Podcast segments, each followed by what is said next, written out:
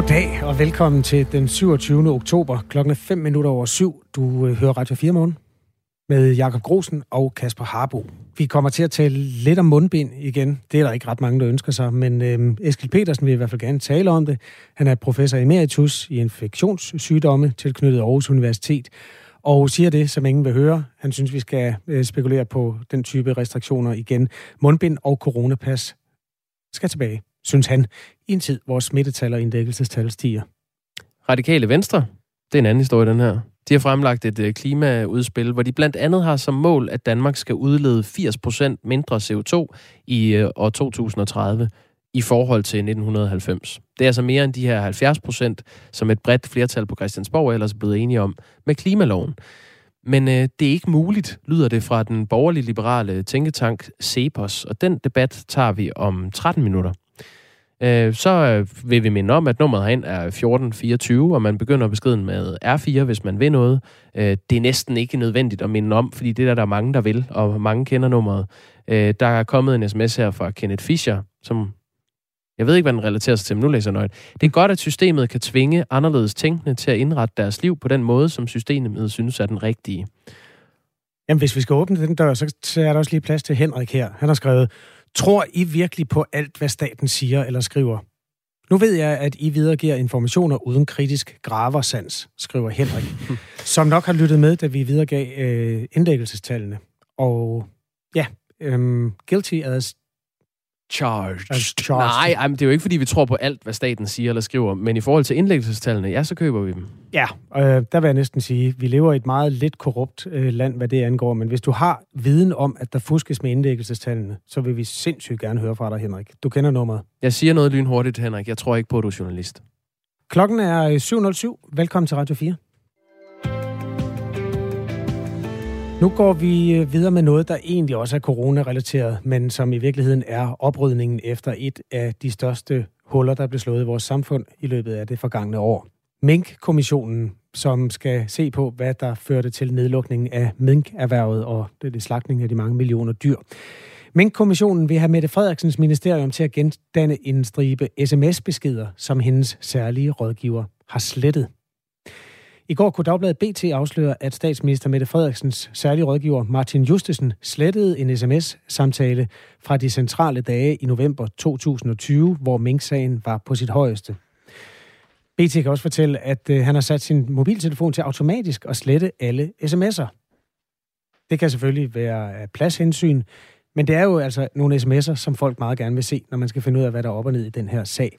Og derfor vil Mink-kommissionen have genskabt alle hans sms'er i en periode på fire måneder fra 1. september til øh, slutningen af december, fortæller Mink-kommissionen til BT. Anders Leonhardt, han er politisk redaktør på BT. Godmorgen.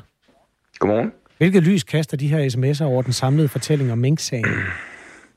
Jamen, de kaster i hvert fald det lys, at nu så vi jo i sidste uge i kommissionen nogle andre sms'er blive fremlagt, som jo var øh, fra Barbara Bertelsen, departementchef i statsministeriet, som jo virkelig også fik sagen til at eksplodere, fordi det havde den karakter, hvor at, at hun ligesom altså presser, øh, kan man sige, departementchefen i, i øh, Miljø- og Fødevareministeriet, øh, Henrik Studsgaard, øh, ret meget. Øh, og, og man får indblik i den her sådan meget bombastiske og meget direkte kommunikation via sms. Nu ser vi så Martin Justesen, som samtidig har haft en kommunikation med øh, Miljø- og Fødevareminister særlig rådgiver. Øhm, og det, det, det, vi ved selvfølgelig ikke, hvad der er i den korrespondence. Vi ved bare, at han i øh, via nogle mails, vi tidligere har beskrevet, så ved vi, at han har øh, fået omgjort øh, den øh, formulering, der skulle være i en pressemeddelelse, og dermed, hvem er det, der har ansvaret for hele det her øh, forløb, og det her meget mudrede forløb, som der har været fra regeringen? Det er jo ikke ulovligt at slette sine sms'er, øhm, men det er ikke noget, alle gør, og man kan selvfølgelig altid spekulere på, om det er standard i en rådgiverrolle, hvor, hvor der kan være mange praktiske ting gemt i sådan nogle sms'er der. Hvilket, altså, hvilken opfattelse har du af det, at alle sms'erne er væk? Man kan sige, det er i hvert fald, det er i hvert fald meget belejligt, at øh, sms'erne er væk øh, netop for den her periode. Um, så, er det, så kommer der jo så et, der er jo sådan et juridisk spørgsmål om, jamen sms'er, um, øhm, at det har det sådan en karakter af et dokument, ligesom en mail for eksempel har. øhm, i forhold til, om man overhovedet må slette dem, eller de skal journaliseres, ligesom en mail eller et eller andet, hvilket som et andet minister, øh, eller kan man sige politisk dokument i et ministerium øh, skal. Øhm, det mener statsministeriet ikke, at de skal. Det er der så andre, blandt andet øh, Olof Jørgensen, som er, som er sådan en presjurist. Øh, det mener han, at de skal. Øhm, og det er jo i det hele taget sådan den juridiske situation, der afgør, om det er i orden, at man, ligesom Martin Houston så åbenbart, øh, sletter sms'er for en periode efter, efter noget tid. Øh, det er noget, man kan sætte sin iPhone til efter 30 dage eller efter år eller så videre. Det ved vi så ikke, hvordan, hvordan han har gjort. Men man må så også sige, at generelt så øh, er der jo ret mange vigtige beskeder, og garanteret også nogen, han rigtig gerne vil gemme, Martin Justesen, når man er, når man er stabschef i statsministeriet. Øhm, så så øh, kan man sige, det er i hvert fald ikke sådan, at han har gjort noget aktivt for, at de her øh, mink-sms'er skulle gemmes. Hvor nemt er det at genskabe sådan noget? Ja, men det, det er jo egentlig ikke, øh, det er jo ikke så svært. Nu, nu kommer det, uden at jeg sådan er, er teknisk øh, velfunderet øh, ud over det sædvanlige, så er, så hvis man har iPhone og sådan noget, så, så kan det jo sagtens, så kan det typisk genskabes gennem iTunes og så videre. Så altså, man kan sige, hvis Mink-kommissionen, som de nu øh, gerne vil, vil have det genskabt, så, så burde det øh, umiddelbart kunne lade sig gøre. Jeg laver bare lige en hurtig forbrugerundersøgelse her. Øh, dig, der hører Radio 4 morgen, har du de sms'er, som du sendte for et år siden, stadigvæk i din telefon? Jeg går ind og kigger. Jeg kan i hvert fald gå to år tilbage i mine øh, sms'er. Det er jo ikke dem, der fylder allermest. Det er jo billeder, man skal rydde op i, hvis man øh, har pladsproblemer. Øh, så det har jeg egentlig ikke øh, gjort som standard i hvert fald. Hvad med dig, Jacob? Sletter du dine sms'er? Efter Nej, det er, det er der jo ikke nogen, der gør. Hvis man ikke er spindoktor, så gør man jo ikke det. Det altså, ved du ikke en skid om. Nu øh, opfordrer jeg folk til at skrive på 1424, hvis øh, altså, sletter du dine sms'er et år tilbage. Jeg læser lige lidt fakta op, inden vi øh, går videre med dig, Anders Leonhardt. Mm. Citat fra Annex Vanopslag, der er formand for Liberal Alliance. Han siger, den her skandale vokser sig større og større. Så er der Rasmus Jarlov, der også er i opposition, øh, gruppenæstformand for Konservative. Han siger, det er helt uacceptabelt, at de har forsøgt at fratage Folketinget og offentligheden den information og det indblik i forløbet, som vi har krav på. BT søgte agtindsigten, som de her sms'er er udledt fra den 5. december 2020. Efterfølgende gik ombudsmanden ind i sagen, fordi statsministeriet ikke kunne bede eller afkræfte, om de her sms'er overhovedet fandtes. Hvor stort et togtrækkeri har den her sag været for jer, øh, Anders Leonhardt? Man kan sige, det har jo, det har jo været øh, min øh, dygtige kollega Jakob Friberg, som ligesom har stået for historien, og det har jo været sådan en, en ongoing proces. Det er jo ikke sådan noget, der har der optaget alle hans dage i 10 måneder, heldigvis da. Men det, er jo, det er jo sådan en, været en, en ongoing proces, hvor, om, hvor der har været en, for, fordi at statsministeriet gentagende gange øh, har nægtet at svare øh, på den agtensigtsanmodning og på de spørgsmål, der var efterfølgende, hvor ef, efter man øh, øh fik afslag på agtensigt, jamen så har øh, øh, min kollega så gået til, øh, til ombudsmanden, som jo så har øh, haft nogle andre myndig, øh, bemyndigelser til ligesom at kunne gå ind i statsministeriet og kræve et svar. Og det er, kun, og det er derfor, man ligesom ved, jamen der findes den her sms-korrespondence, som, som BT har spurgt ind til, men øh, vi har stadig ikke fået den udledet, kan man så sige, men det er i hvert fald bekræftet fra statsministeriet, at den så er slettet, fordi ombudsmanden jo heller ikke kunne få adgang til den, øh, netop fordi den var slettet. Øh, så, så man kan sige, det har været et juridisk tovtageri, men efter ombudsmanden ligesom har øh, trådt ind i sagen, så, så, lækker, så har det jo været et, et kan man sige, tovtageri mellem ombudsmanden og statsministeriet. Nu har vi talt meget om de her sms'er. Hvad betyder de egentlig for det vigtige? Altså, hvem der er skyld i mm. hvad? Jamen, øhm, man kan sige, hvis vi får dem genskabt, og de bliver en del af Mink-kommissionen, så får vi at vide, hvor springfarlige de er, fordi vi kender jo stadig ikke øh, til det egentlige indhold af hele korrespondancen. Det eneste, vi ved, var det, som jeg sagde, det her med, at Martin Justesen går ind den 10. november øh, sidste år og påvirker den udtalelse, der kommer fra Mogens Jensens ministerium. Øhm, det var han vil, ministeriet vil gerne have, at det også, øh, altså, det ikke blev tørret af på embedsværket. Det vil Justesen ikke. Øhm, og det ender jo så med, at den egentlig bliver tørret af på Mogens Jensen, øh, som må trække sig øh, en, en god uge øh, efter den øh, 10. Øh, november. Så, så det har jo virkelig nogen, en, en indflydelse i den forstand, at det her, det handler om, hvad, skete der fra statsministeriets side, da man får det at vide, at der ikke er lovhjemmel? Jamen, hvem er det så, der skal tage skraldet? Og er det så berettiget? Og det var også det, vi så med Barbara Bertelsens sms'er, hvor hun siger, at de skal rulle sig, og nu skal de tage ansvaret osv. Øh, over i øh, Mogens Jensens ministerium. At det, er jo sådan en, det, er sådan en, det virker som en koordineret indsats for statsministeriet for at frikende øh, statsministeren. Tak fordi du vil være med, Anders Leonhardt. Det er det politisk redaktør på Dagbladet BT. Jeg fik sagt, at der er ikke nogen, der sletter deres sms'er øh, automatisk. Det er der faktisk øh, nogen, der gør. Jeg tager afstand fra mig selv. Mm. Øh, Jan Jørgensen i Årup skriver, mine sms'er slettes automatisk inden for to måneder. Øh, og også når der er maks antal styk, så slettes de efter de to kriterier, efter hvad der nås først. Jens skriver, jeg tænker kun, man sletter sms'er fra elskerinden, eller dem, der har med minkskandalen at gøre. Jeg har sms fra, da jeg fik min nuværende mobil, som alle andre.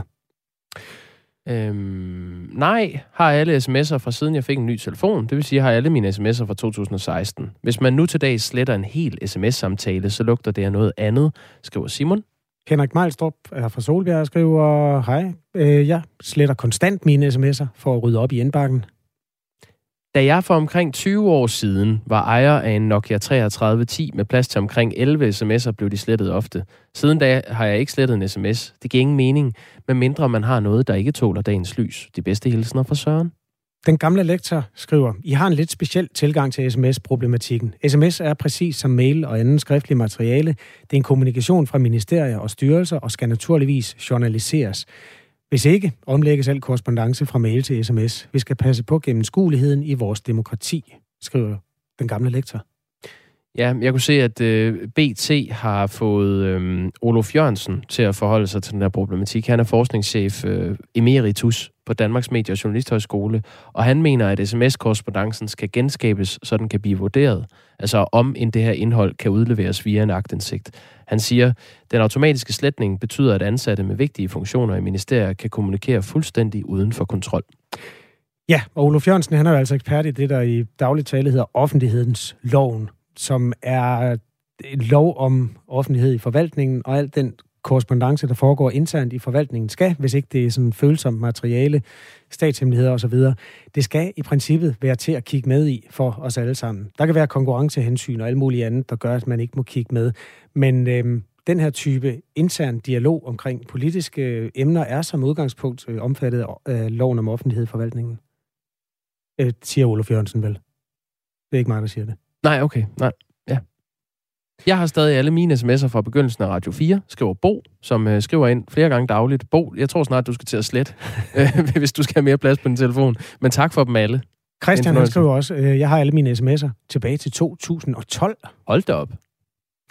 Godt så. Det har øh, Mette Frederiksens særlige rådgiver altså ikke, men hans store held er så, at den slags kan genskabes. Vi følger Minks-sagen med stor interesse. Øh, ja, ej, lad os lige, der er lige kommet en sms her, Kasper, fra Silas. Da jeg først har tændt radioen, nu ved jeg ikke, om I har været inde på dette, men under togulykken på Storebælt blev en medarbejder fængslet i 20 dage for at slette sms'er. Lige lidt at tænke på i forhold til forsvundne mink-sms'er. Nå, hvad er det for en medarbejder? Det er jeg ikke klar over. Silas, det må du godt lige øh, uddybe. Det lyder interessant. 18 minutter over syv er klokken. Ja. Vi laver det her program i samarbejde med dig.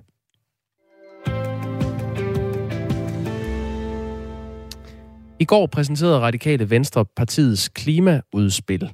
Helt kort fortalt, så vil partiet have, at Danmark skal reducere CO2-udledningen med hele 80 procent i øh, 2030 i forhold til det niveau, der var i 1990.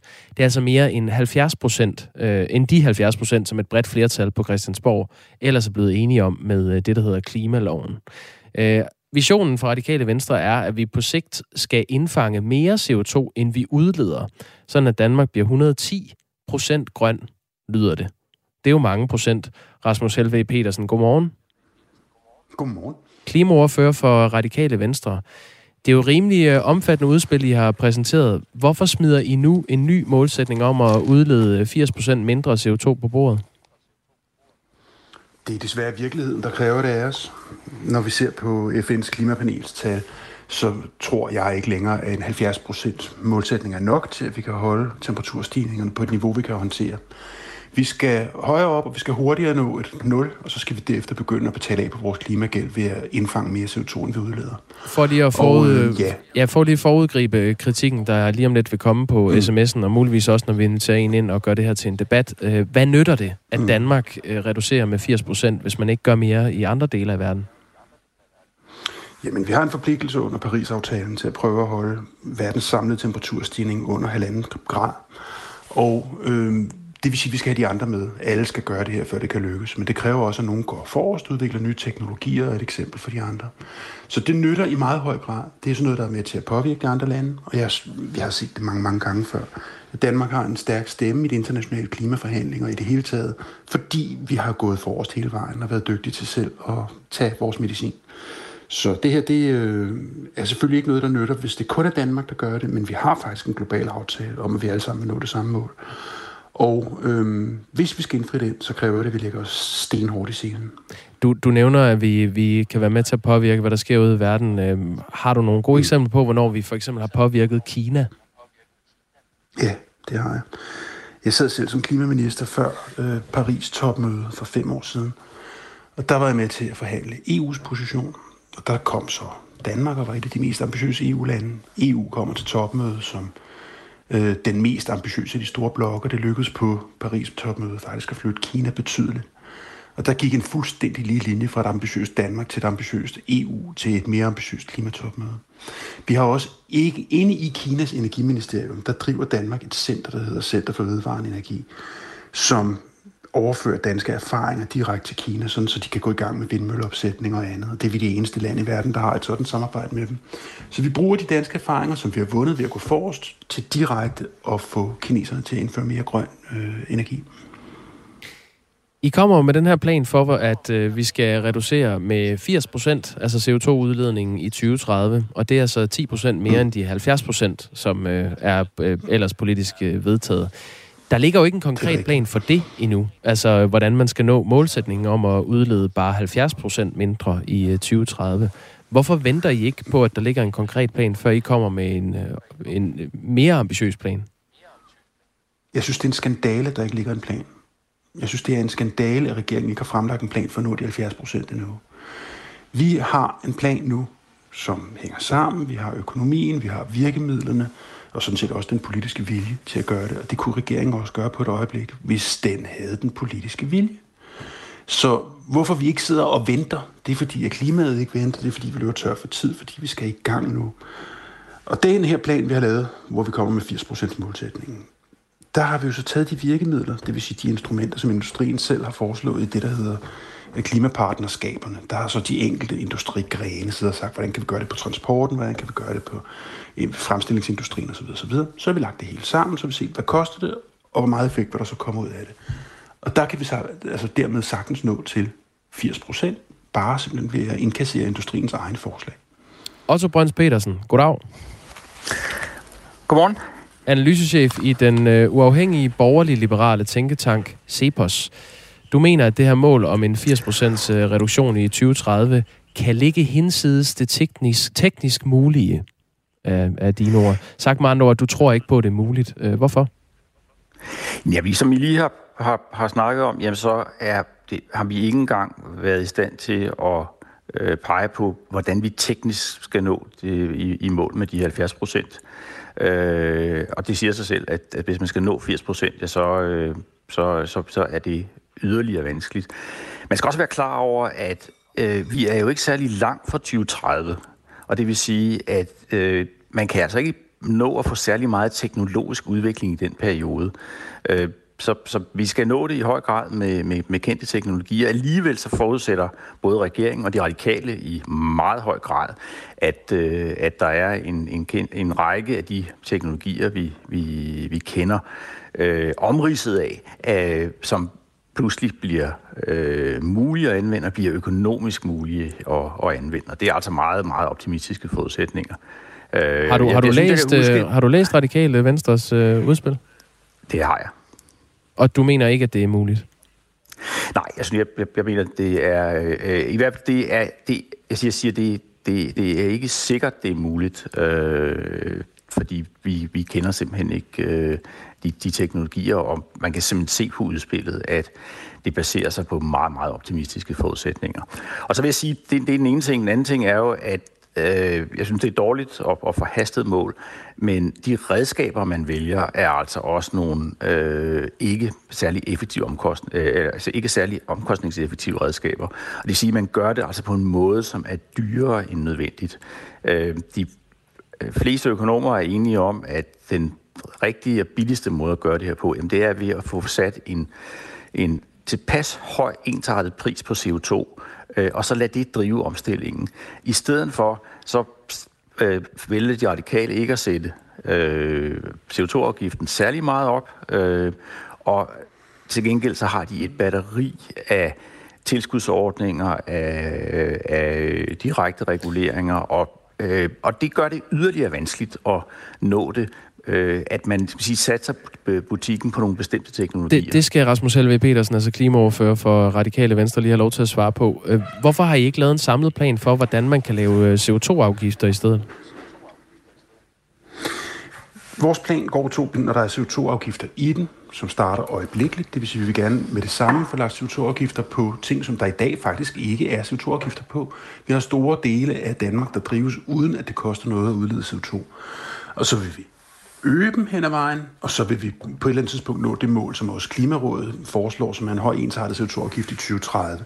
Men vi synes ikke, vi har råd til at vente til 2030. Der skal komme et klart prissignal nu som ret hurtigt indfases til blandt andet industrien, sådan så folk ved i alle deres investeringsbeslutninger, at det er nok en dårlig idé at vælge en sort teknologi. Og det kobler vi så med guleroden, som her bliver kritiseret fra Cepos, hvor vi siger, at vi vil godt hjælpe industrien blandt andet med at omstille sig med blandt andet tilskudsordninger, ja, til at få udfaset de maskiner, der afbrænder øh, kul, gas og olie, sådan så vi kan få noget grøn strøm ind i blandt andet fremstillingsindustrien. Mm. Så ja, den går på to ben, hvor vi på den ene side øh, hjælper, og på den anden side lægger den her øh, presbold, der hedder en stadig stigende CO2-afgift. Jeg forstår slet ikke argumentet om, at vi ikke skulle bruge CO2-afgifter, fordi vi indfaser dem hurtigere, end nogen andre har foreslået. Højere, og vi er helt enige i slutmålet med en ensartet CO2-afgift. Vi er bare gået godt og tidligt i gang. Otto Brøns Petersen fra Cepos. Hvad er det, din bekymring er helt konkret? Ja, jeg synes, jeg synes man gør det en, to ting. Man gør det i en forkert rækkefølge. Altså, i stedet for at at, at starte med at få, få lavet et, øh, et tilpas højt prissignal, jamen så så øh, underminerer man faktisk effekten af afgiften ved at lave alle de her øh, detaljreguleringer og subsidieordninger, som, øh, som, som, som, som Rasmus nævner.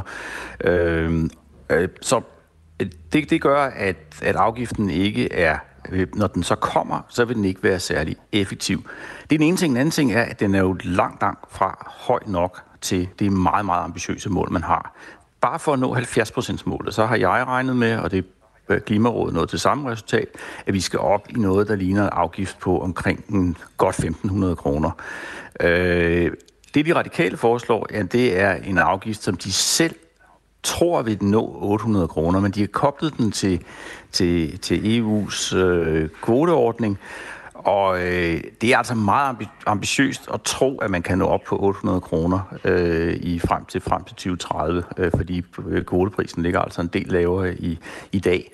Så jeg synes, det, det, det lyder meget godt at sige, at man går på to ben, øh, men realiteten er, at hvis man skal have, at hele ideen med at have en, en, en, en pris på CO2, ja, det er, så skal man ikke have andre redskaber. Ellers så får man det, som man kalder dobbeltregulering, og som øh, som, som blandt andet jo øh, øh regeringens egen embedsmænd har advaret mod og sagt, at det er simpelthen ikke omkostningseffektivt at gøre. Man skal bruge det det ene redskab, øh, nemlig prisen, hvis vi skal gøre det her omkostningseffektivt, og hvis vi skal have en chance for at, øh, at, at, at blive realiseret. Hvis man vælger, at, altså hvis man vælger nogle bestemte teknologier ud, øh, som regeringen har gjort, og som de radikale nu også gør i meget høj grad, baserer man sig på, at vi vil være i stand til at opfange CO2 fra, fra luften og fra landbruget og lagre den øh, eller, eller, eller anvende den på anden måde. Mm.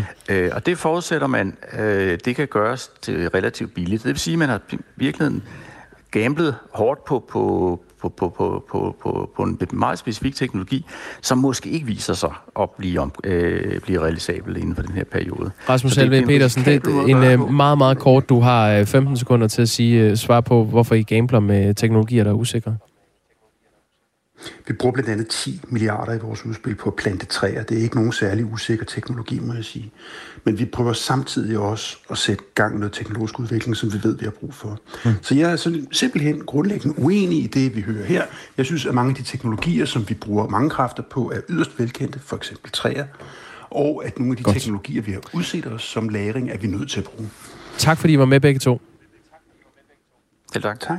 Det er Rasmus Helve Petersen, klimaoverfører hos Radikale Venstre, og Otto Brøns Petersen, analysechef i Tænketanken Cepos. Klokken halv otte. Du lytter til Radio 4 morgen.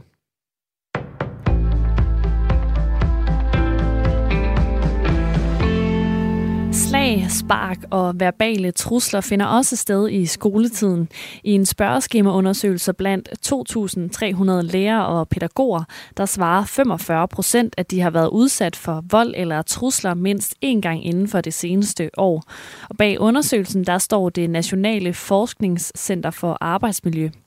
Og når det sker, så er det som regel om eftermiddagen, det forklarer seniorforsker og psykolog Lars Peter Andersen. Alle er mere trætte om eftermiddagen, det er svært at koncentrere sig, og det er svært at sidde stille.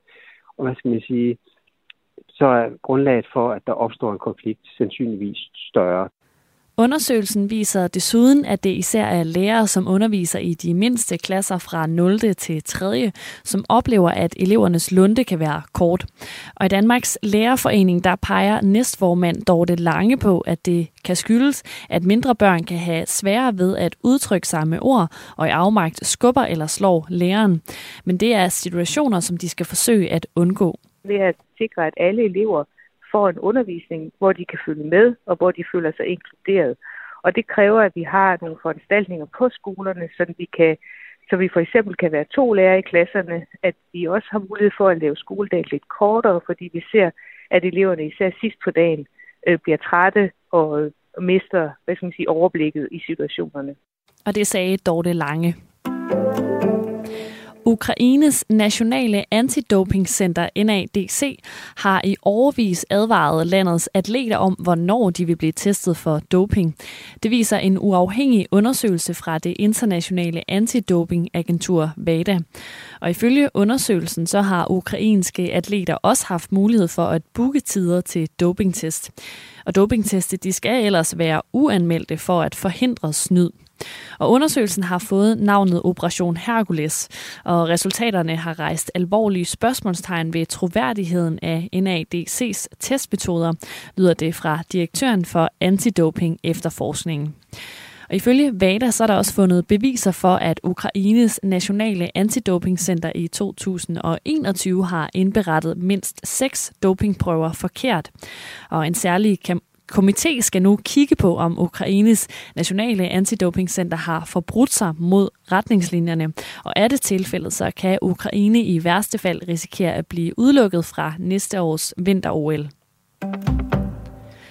Et udvalg i det brasilianske senat, som har undersøgt præsident Bolsonaros håndtering af coronapandemien, de anbefaler at tiltale Bolsonaro for ni forbrydelser.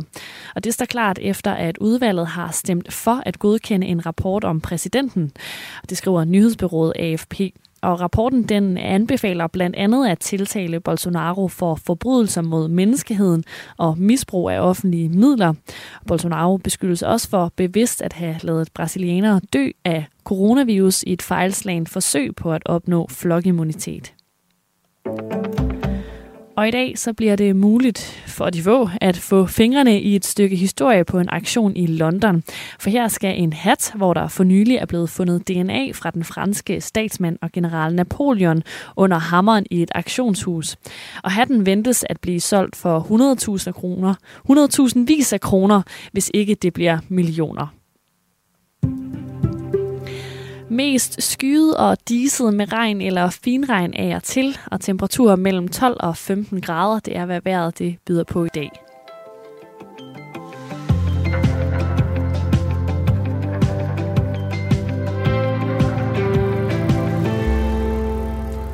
Når de radikale holder talbingo og hiver 80 op i stedet for 70, er det som øh, meget andet politik mavefornemmelse.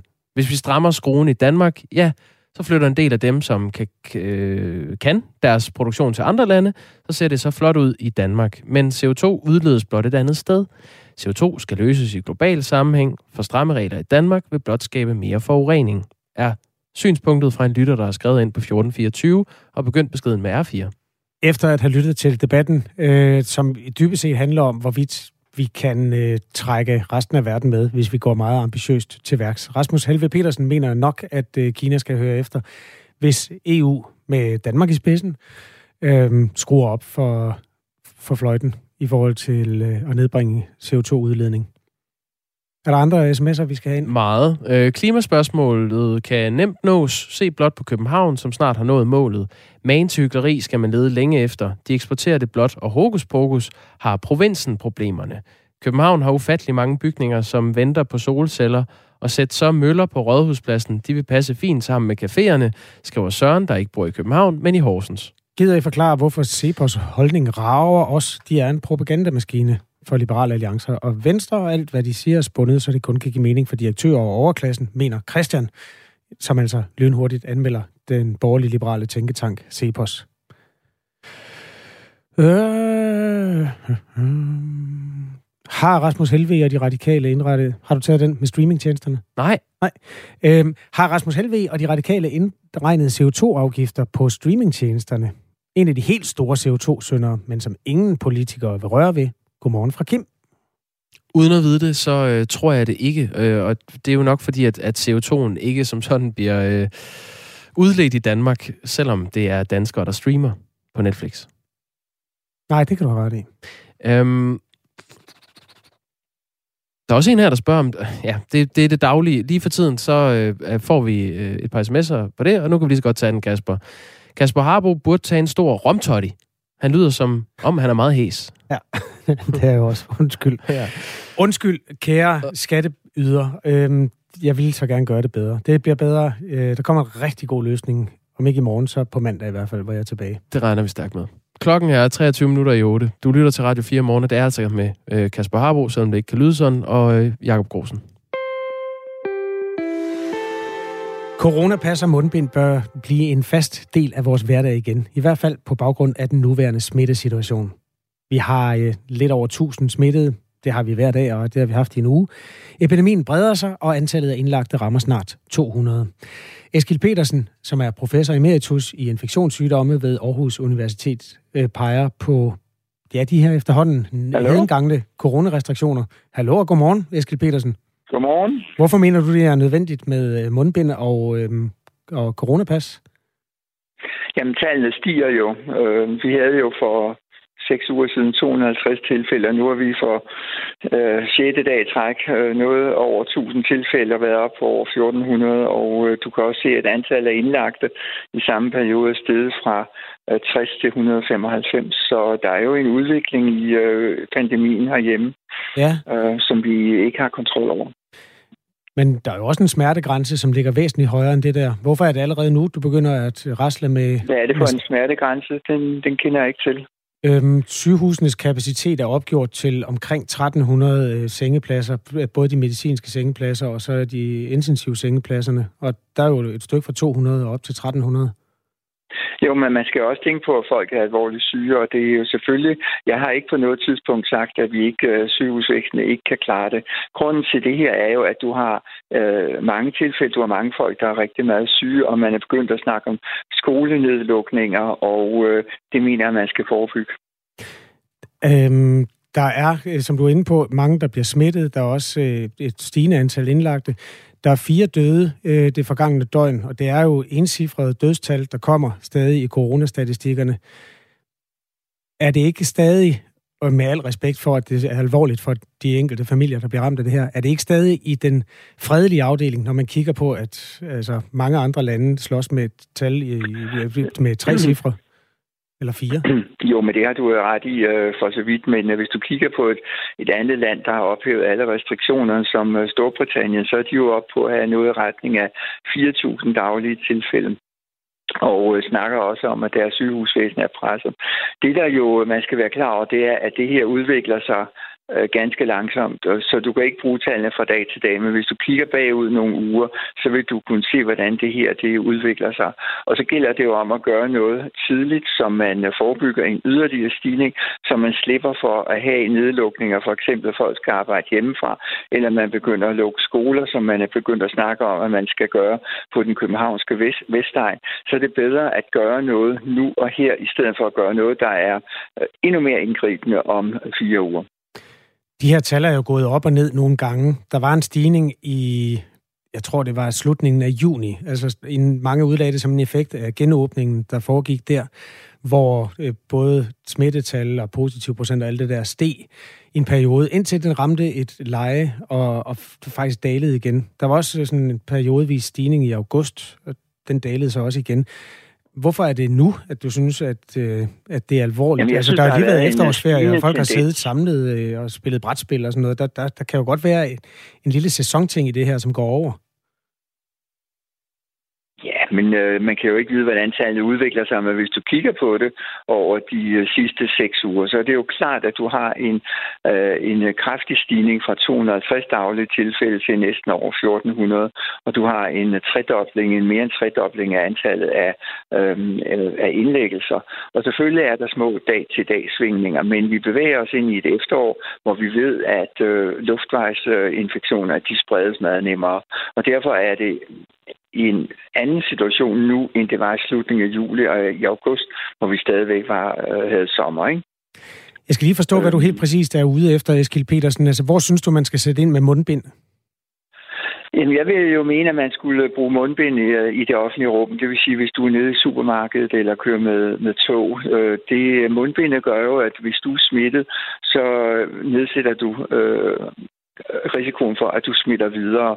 Og øh, hvis øh, du kigger på Styrelsen for Patientsikkerhed, så oplyser 45 procent af dem, der er blevet smittet, de ved ikke, hvor de er blevet smittet henne. Så vi mangler nogle oplysninger øh, der. Og derfor synes jeg, at mundbind, det er en relativt enkel sag. Det har vi været vant til, og det kan indføres i løbet af få dage. Så det er en, hvad jeg kalder en mild ting at gøre, som ikke øh, kommer til at genere folk voldsomt holder samfundet åbent i øvrigt, hvilket jeg mener er meget vigtigt.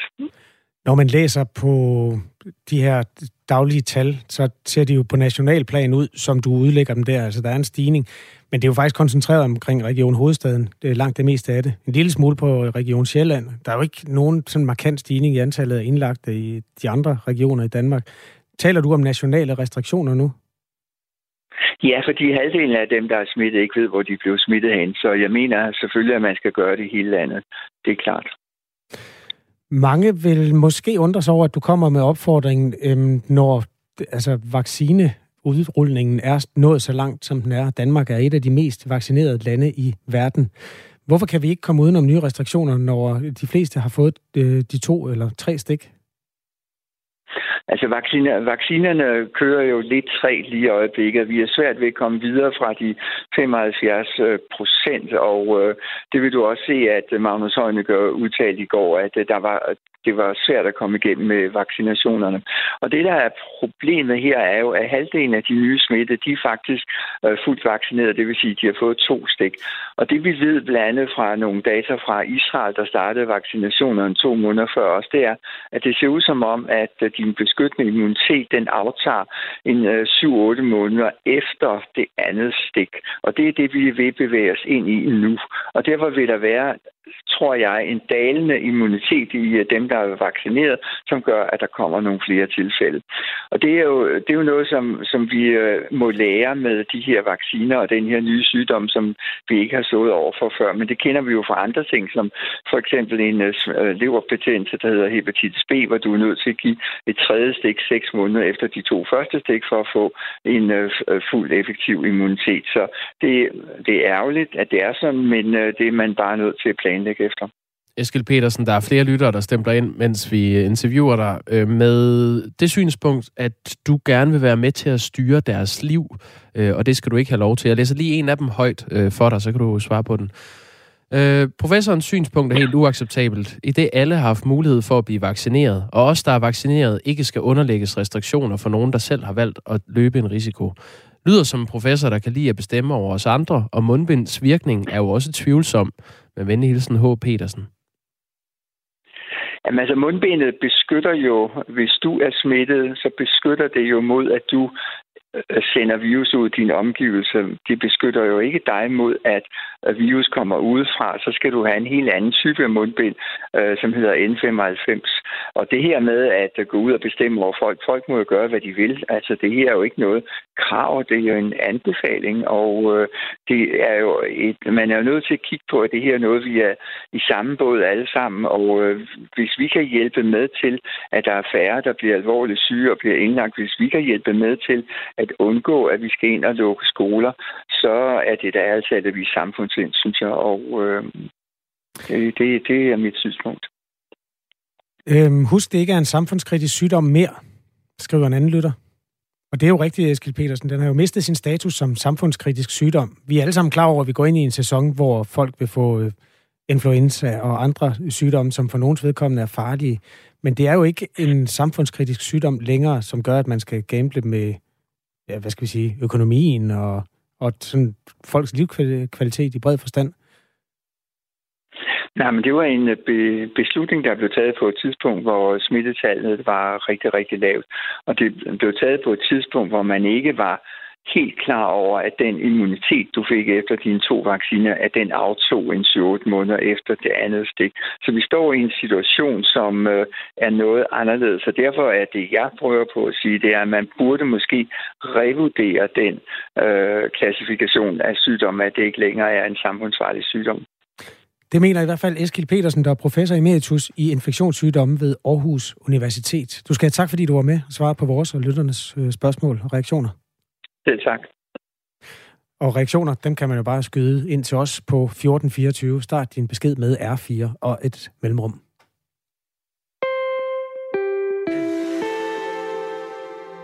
Vi havde tidligere på morgen debatten om øh, radikale Venstres nye klimaudspil, hvor de vil altså øh, reducere øh, CO2-udledningen med 80% i stedet for 70% i 2030. Til det skrev vores kære lytter Kim om radikale Venstre mund har indregnet CO2-afgifter på streamingtjenester. Og øh, der fik vi sagt, at øh, nej, men det er jo nok for det øh, ved vi ikke, men vi kunne gætte på, at det er CO2-udledningen, øh, der bliver regnet for at blive udledt andre steder. Og Henrik, øh, Kim har fulgt op og skriver, at øh, Google og Facebook har jo store datacentre i Danmark. Om du streamer fra Danmark eller Kina, bidrager du som individ.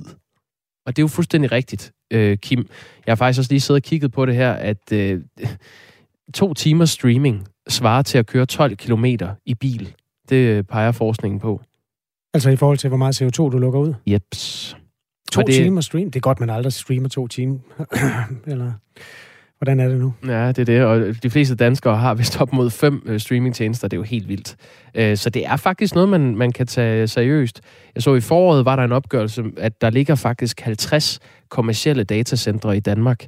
Øh, og det er jo en, en relativt stor CO2-belastning. Det er så. sjovt, at man gik og jublede over, at det lykkedes at lægge flytrafikken ned i den periode, hvor vi var spærret inde. Samtidig så streamede vi jo 8-12 timer om dagen. Eller ja, sådan. folk lå der og Netflixede og chillede, hvad skulle man ellers lave? altså, og hele ja. mænd. Jo. Ja, øh, apropos det, når vi lige har det, jeg bruger lige et minut på et stykke forbrugerjournalistik. Det er noget, jeg noterede mig i går. Du, du ser meget... Ej, Jamen, vi, kan... vi kan sgu ikke nå det, Jacob, fordi vi skal både nå Koralrevet og Per Larsen inden klokken. Ah, okay. Jamen, så tag den nu. Så tag den nu. Ja, lad mig lige gøre det. HBO Nordic er blevet til HBO Max. Det er relanceret, og der er mange danskere, der har HBO Max nu. Nu har de et tilbud lige nu, og det vil jeg bare lige gøre opmærksom på, fordi øh, normalt koster det 79 kroner at have HBO Nordic, og nu er HBO Max. Men hvis du øh, tegner et nyt abonnement, så kan du få 50% resten af dit liv i rabat. Det svarer til at være kunde i forvejen, og så få at vide, hvis du bliver hvis du havde været ny kunde. Ja. Hej alle nye kunder. I kan få øh, det hele til halv pris, men I lojale kunder, I skal betale fuld pris. Så jeg vil bare lige slå et slag for, hvis du er HBO øh, Max kunde, og du har lyst til at få det til halv pris, så brug en anden e-mail, gå ind og lav en ny bruger. Du kan gøre det frem til den 30. november. Så får du det til 39,5 resten af dit liv. Så fik du lagt klimaet endnu mere ned i graven. Gud ja. Tak for det.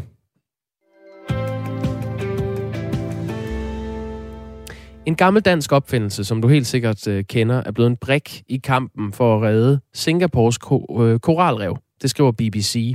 Singapore lægger kyst til en øh, tredjedel af verdens koralrev, hvilket må sige at være en stor del øh, for et land, der arealmæssigt ikke er meget større end Bornholm. Koralrev er en helt afgørende del af havets økosystem og hjem for flere tusinde fisk, men øh, årtiers kystudvikling og forurening og kunstig tørlægning af havbund betyder, at store dele af Singapores koralrev er blevet dræbt. Og det er så der, en gruppe forskere fra Singapores Universitet nu vil øh, afhjælpe det problem ved hjælp af Lego-klodser. Lars Skov Olsen, du er kurator på Den Blå Planet og ansvarlig for dyrene i akvariet. Godmorgen. Godmorgen. Hvordan kan Lego-klodser være en hjælp for et koralrev? Altså, man kan sige, at Lego-klodserne hjælper ikke koralrevet på anden måde, end at de støtter korallen i den tid, øh, det tager indtil den har sat sig fast på det underlag, den skal sidde på.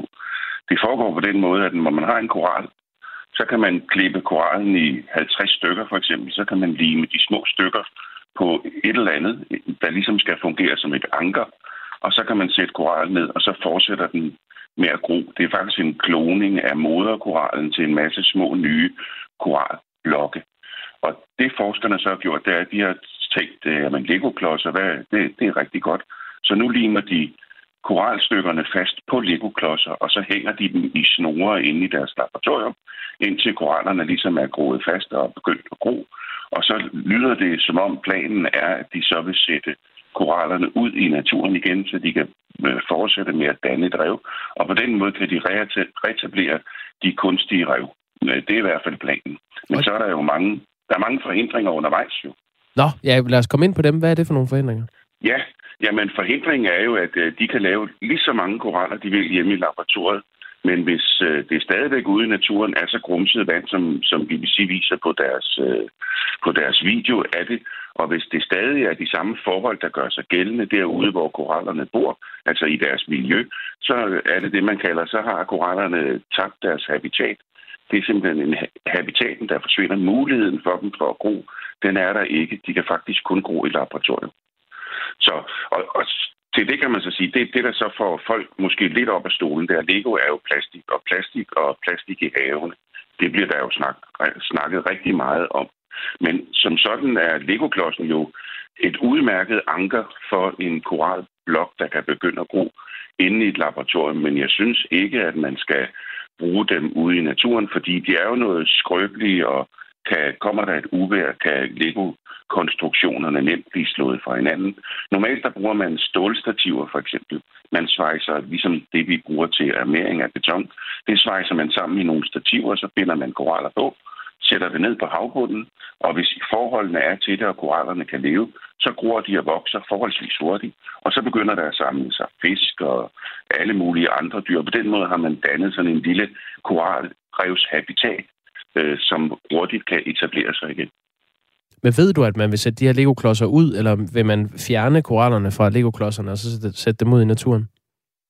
Altså, det, i videoen viser det, at det et eller andet sted, så kan man se sådan en blå Lego-klods, der sidder nede på koralrevet. Så det ser ud som om, de vil sætte Lego-klodser ud. Mm. Lego-klodser er jo en rigtig fantastisk ting til rigtig mange ting. Øh, og det viser det jo også, at der er nogle forskere, der har fundet på det. Normalt vil man bruge noget beton. Man støber nogle, nogle små bitte klodser, hvor man blander nogle forskellige sporstoffer i, som alger og koraller godt kan lide. Og på den måde falder de hurtigt ind i naturen og forsvinder på den måde. Og den dag korallen dør, så ligger der bare det samme materiale tilbage, som øh, koralrevet er bygget af, så på den måde, der fylder det ikke noget. Man kunne tænke sig, hvis der sker en katastrofe, og man har sat øh, 1000 koraller ud på Lego-klodser, så kommer det til at se lidt besynderligt ud, hvis man kigger ned på koralrevet, at der står 1000 Lego-klodser og lyser op i alverdens farver. Det er sådan, at koralrevene fylder øh, så lidt som 0,1 procent af havet, men de er alligevel hjem for en fjerdedel af alle havets dyr. Det er derfor, de er så vigtige, øh, blandt meget andet. Eller Skovulsen, gør, gør de her øh, forsøg fra Singapore dig mere optimistisk på korallernes vegne? Altså nej, det vil jeg ikke sige, fordi det, altså man kan sige, det er rigtig godt, at man tager en masse koralarter ind og har dem i laboratorium, så man sikrer det DNA, de nu indeholder, til når det engang bliver bedre. Det, der gør mig optimistisk, det er en, en forskningsrapport, der er kommet, der viser, at korallerne efterhånden tilpasser sig den højere temperatur, og man kan allerede se tegn på, at øh, de kan tåle højere temperatur nu. Og hvis de kan tåle højere temperatur, så kan man sige, så bliver klimaforandringerne øh, mindre ødelæggende for koralrevet, end de er i øjeblikket. Men, men det tager noget tid, så hvis man kan gemme korallerne til den tid. Og så kræver det jo, at de koraller, der er inde i laboratoriet, de også bliver tilpasset til højere temperatur. Og det er en kompliceret proces. Altså korallerne har inde i deres væv, inde under huden har de en lille alge, der hedder en zoosantel. Og den zoosantel, den tåler ikke mere end 31 grader, så dør den. Mm. Øh, eller bliver udstødt af korallen. Og korallen, den bruger den får 70 procent af sin energi fra den zoosantel, der overfører sine affaldsstoffer fra sin vækst, nogle proteinstoffer, nogle sukkerstoffer, den overfører den til korallen, og det lever korallen af. Øh, hvis den taber solcentellerne, så dør den af sult. Og så er der sket det rundt omkring, at de har tabt deres solcenteller på grund af El Niño, temperaturen er steget. Solcentellerne er døde, men der findes rigtig mange arter af solcenteller.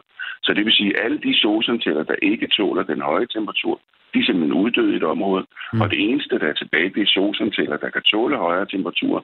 Og så begynder korallerne at indfange dem, og så dyrker de dem i deres hud, og på den måde kan korallerne overleve de højere temperaturer. Og det har man set tendenser til, at det er ved at ske de steder, der har været hårdest belastet. Tak for det, Lars Olsen. Velkommen. Thomas er en øh, meget vidende kurator på Den Blå Planet, øh, og ansvarlig for dyrene i øh, akvariet. Vi kommer til at ringe til dig igen på et tidspunkt, øh, Lars Olsen. Der er altid øh, I skal, til. I skal være så velkommen. Det er så hyggeligt. Det er godt. Tak, tak for det. Klokken er 5 minutter i 8. Vi haster videre. Nye nedlukninger af Danmark kan blive en realitet, hvis der ikke er flere, der bliver vaccineret mod covid-19. Det sagde sundhedsminister Magnus Heunicke i går. Tre fjerdedel af befolkningen er færdigvaccineret, men der er en stigende smitte i landet, og han vil ikke tøve med at sætte ind, hvis der er behov for det, lød altså meldingen. Men nye restriktioner og nedlukninger vil kræve et politisk flertal, og det bliver i hvert fald svært at få de blå med på den. Dansk Folkeparti, Venstre og Konservative afviser at bakke op om nye tiltag mod covid-19. En af dem, der afviser, er Per Larsen, sundhedsordfører for Konservative. Godmorgen. Godmorgen. Hvorfor ikke? Jamen, jeg ser slet ikke øh, nedlukninger øh, for os. Altså, det handler jo om, at vi har, øh, står et øh, godt sted i forhold til øh, alle de lande, vi normalvis sammenligner os med. Vi har øh, brugt nogle gode vacciner. Vi har en af de højeste vaccinationsrater øh, i den vestlige verden. Og øh, det, vi skal holde lidt øje med, det er jo, hvordan det ser ud på hospitalerne. Og på hospitalerne, der er man ikke sådan på den måde under pres i øjeblikket. Og det forventer jeg heller ikke, man kommer. Altså man for det første er blevet rigtig god til at behandle de indlagte. Det vil sige, at de er ikke indlagt i ret lang tid.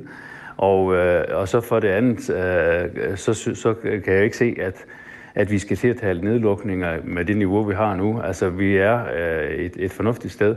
At man så har nogle enkelte steder i landet, hvor at smittetallene de, øh, bliver høje, fordi det simpelthen er for lav en vaccinationsrate, det må man så håndtere der. For 20 minutter siden, måske kun et kvarter, talte jeg med Eskild Petersen, der er tilknyttet Aarhus Universitet. Han er bekymret over det, der sker i øjeblikket, og taler for, at man i hvert fald burde gå med mundbind, altså i butikker og det kollektive trafik. Hvordan har du det med den tanke?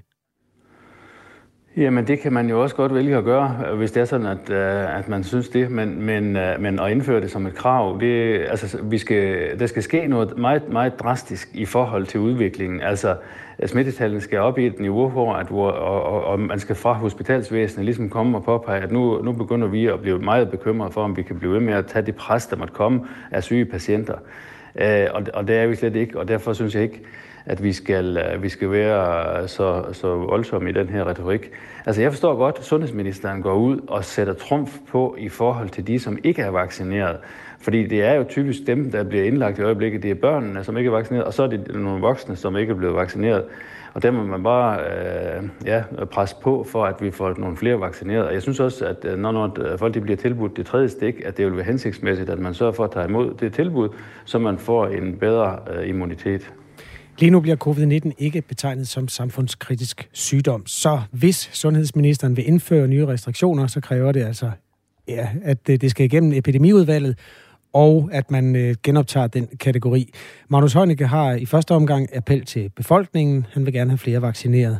Øhm, heller ikke i øvrigt øh, regeringens støtteparti Enhedslisten vil bakke op om de nye tiltag. Hos jer, Per Larsen, øh, sundhedsordfører for konservativ, hvor er den smertegrænse, der gør, at I øh, er klar til at bakke op om nye tiltag. Nu ser vi et indlæggelsestal, der nærmer sig 200.